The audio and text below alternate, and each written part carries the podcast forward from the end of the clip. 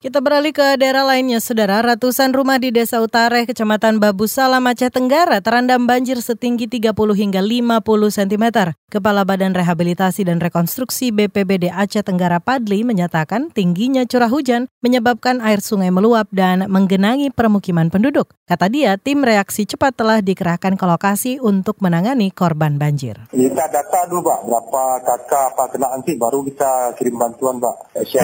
Karena cuaca kan ekstrim Pak ya. Harus hati-hati lah, harus siaga. Kepala BRR BPBD Aceh Tenggara Padli menambahkan belum ada laporan adanya korban jiwa akibat banjir tersebut. Ia mengimbau warga sekitar mewaspadai ancaman banjir susulan. Ini lantaran masih tingginya curah hujan di Aceh Tenggara.